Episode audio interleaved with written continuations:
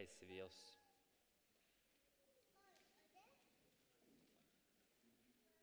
Jesus kom inn i Jeriko og dro gjennom byen. Der var det en mann som het Sakkeus. Han var overtoller og svært rik. Han ville gjerne se hvem Jesus var, men han kunne ikke komme til for folkemengden, for han var liten av vekst. Da løp han i forveien og klatret opp i et morbærtre for å få se ham på et sted hvor han måtte komme forbi. Og da Jesus kom dit, så han opp og sa til ham, 'Sakkeus, skynd deg å komme ned, for i dag må jeg ta inn hos deg.' Han skyndte seg da ned og tok imot ham med glede. Men alle som så det, murret og sa, 'Han har tatt inn hos en syndig mann.' Men Sakkeus sto fram og sa til Herren, 'Herre, halvparten av alt jeg eier, gir jeg til de fattige.' 'Og har jeg presset penger av noen, skal de få firedobbelt igjen.'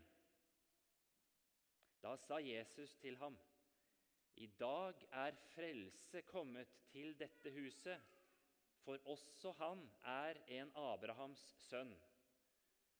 For menneskesønnen er kommet for å lete etter de bortkomne og berge dem. Slik lyder det hellige evangeliet, Herrens ord. Vær så god og sitt.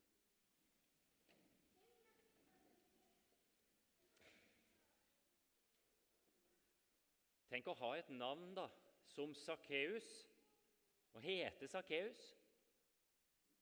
Han er en som virkelig huskes ned gjennom historiens løp. Det er en historisk person vi prater om.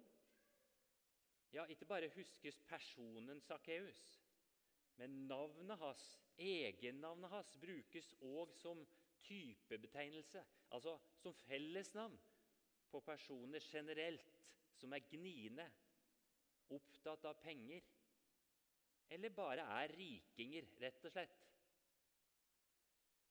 Du kan bli kalt for Sakkeus bare ved å være rik. Nå fins det mange merkelapper på folk, og få er det vel som setter merkelapper på seg sjøl. Det er gjerne snakk om labeler som andre finner på, som andre folk syns er dekkende og viktig å få kalt noen, f.eks. deg. Slik kan det òg være innad i familier med f.eks. flere barn. Da kan det være én iblant dem som går for å være sterk, f.eks. En annen kalles lydig. En tredje grundig, kanskje. En fjerde merkelapp kan være snill. En femte karakteristikk kan være nøysom eller praktisk osv. Og, og også mye verre enn det jeg har nevnt. Sjelden er vel noen karakterisert godt nok kun med den ene merkelappen satt på seg. Noen av oss får ekstranavn eller karakteristikker knytta til oss mens vi fortsatt er ganske små. Og de kallenavnene der, som kommer på oss da, de has vi gjerne med resten av livet. Dessverre. Hvis vi løfter blikket litt og spør oss hva andre i verden ville ha kalt oss nordmenn flest hvis av en eller annen grunn ordet 'nordmann' ikke lenger kunne eller skulle brukes, hva hadde vi da fått slags stempel som folkeslag om det var bare ett navn, ett stempel, som skulle brukes? Kanskje noen med ganske stor rett nettopp ville ha kalt oss for sakkeuser. Eller for så vidt kanskje gjør det allerede, eller noe lignende. Jeg vil heller ha Jesus enn perler og gull, heller ham enn de skatter som smuldrer i muld, heter det i ei sangstrofe skal lure på om det går an å synge den sangen med så stor frimodighet i Norge. er det egentlig sant at jeg vil heller ha Jesus enn perler og gull? Du og jeg vi må bare ikke innbille oss at denne historiske personen Sakkeus, som møter Jesus, ikke er mye mer ved enn at han var en kortvokst fyr som levde rundt år 30 i Israel, og som da møtte en annen fyr med navn Jesus.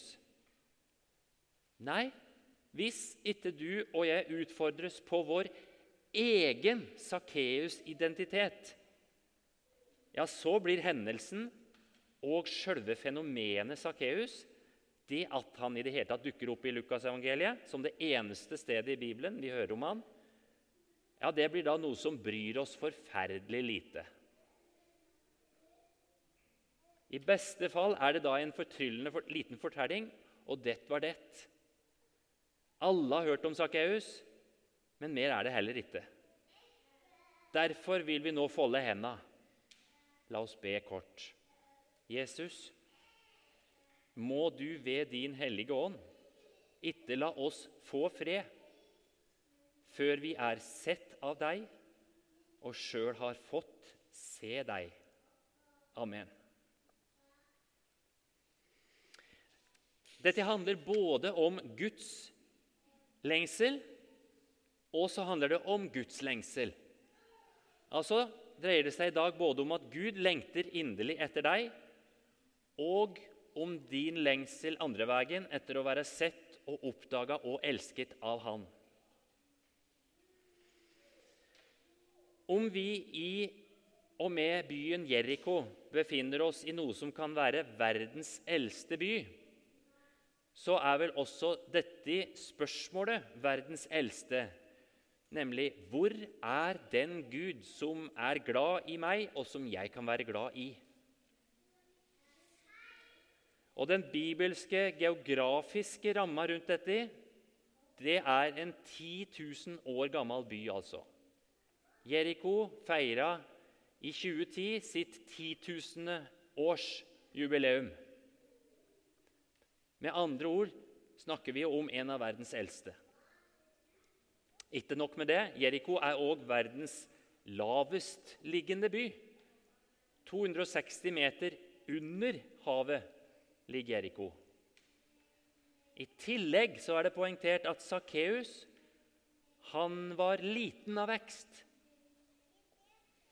Men altså, om spørsmålet er ugammelt, og den historiske ramma som Jesus besvarer spørsmålet i, også er et par tusen år, og vi på sett og vis befinner oss høydemessig på et nullpunkt på den tørre delen av jordoverflata, ja, så må vi for all del ikke plassere alt dette her på museum eller i kategorien søtt og koselig, liksom hyggelig.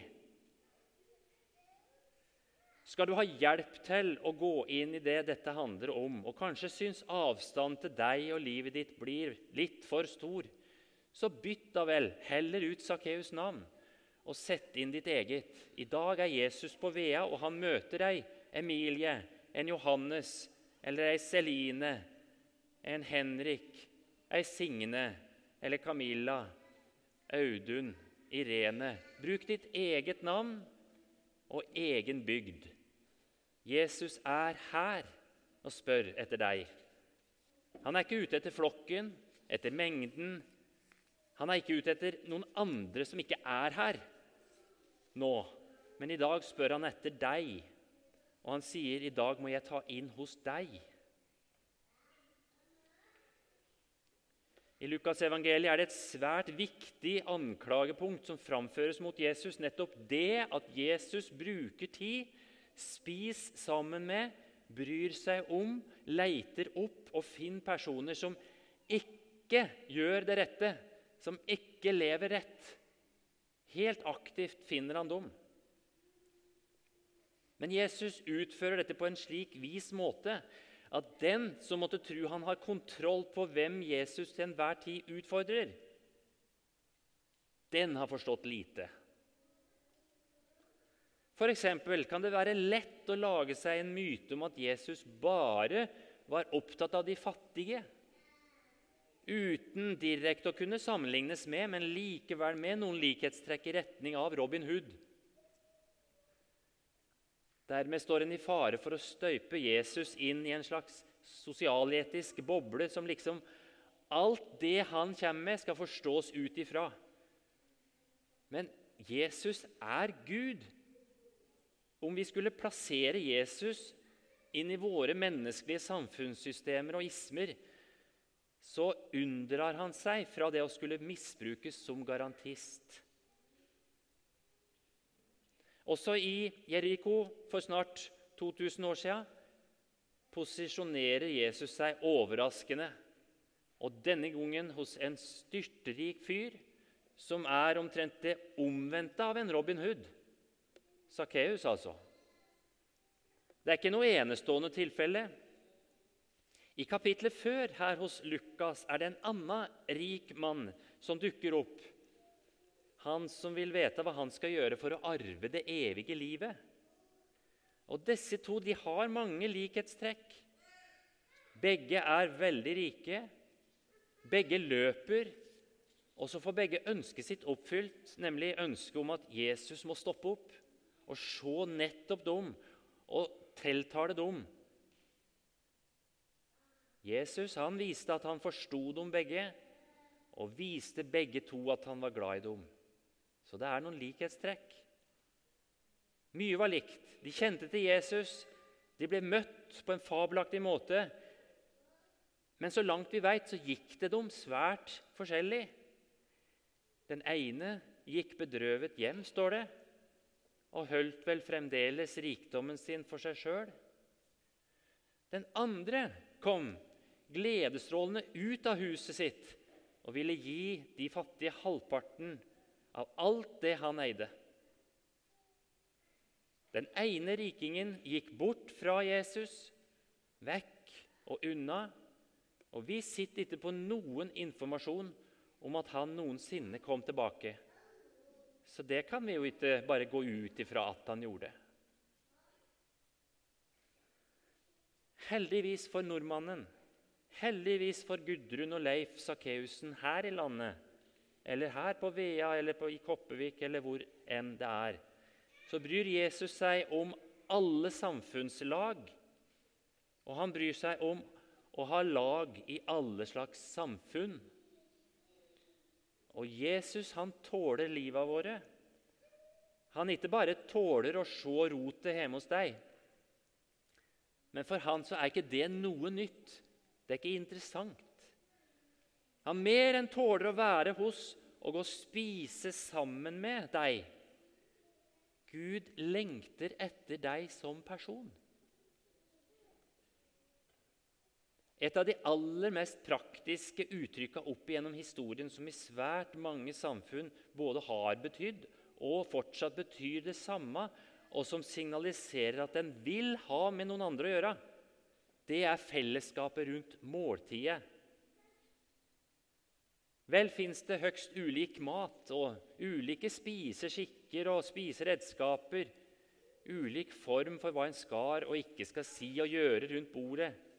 Men det å i det hele tatt spise sammen har en svært sterk sosial betydning. Som sagt så fikk Jesus problemer med at han var så overalt og sammen med alle. Det kunne misforstås. Noen kunne ta disse samværa som et ja til og en aksept av et liv som absolutt trengte renovering og opprydding. Men Jesus begynner ikke der. Og i tillegg han lar det murre i spora etter seg. Og så er det overraskende ikke bare hvem Jesus har med å gjøre, men også hva møtene med han kan føre til. Fullstendig omveltning, som med Sakkeus. Har jeg presset penger av noen, skal de få firedobbelt igjen. Eller som med den andre rike mannen i kapittelet før hos Lukas. Der var resultatet av møtet med Jesus at han gikk bedrøvet bort, for han eide mye. The end. Går du vekk, eller tar du imot Jesus? Ære være Faderen og Sønnen og Den hellige ånd, som var og er og være skar en sann Gud fra evighet og til evighet.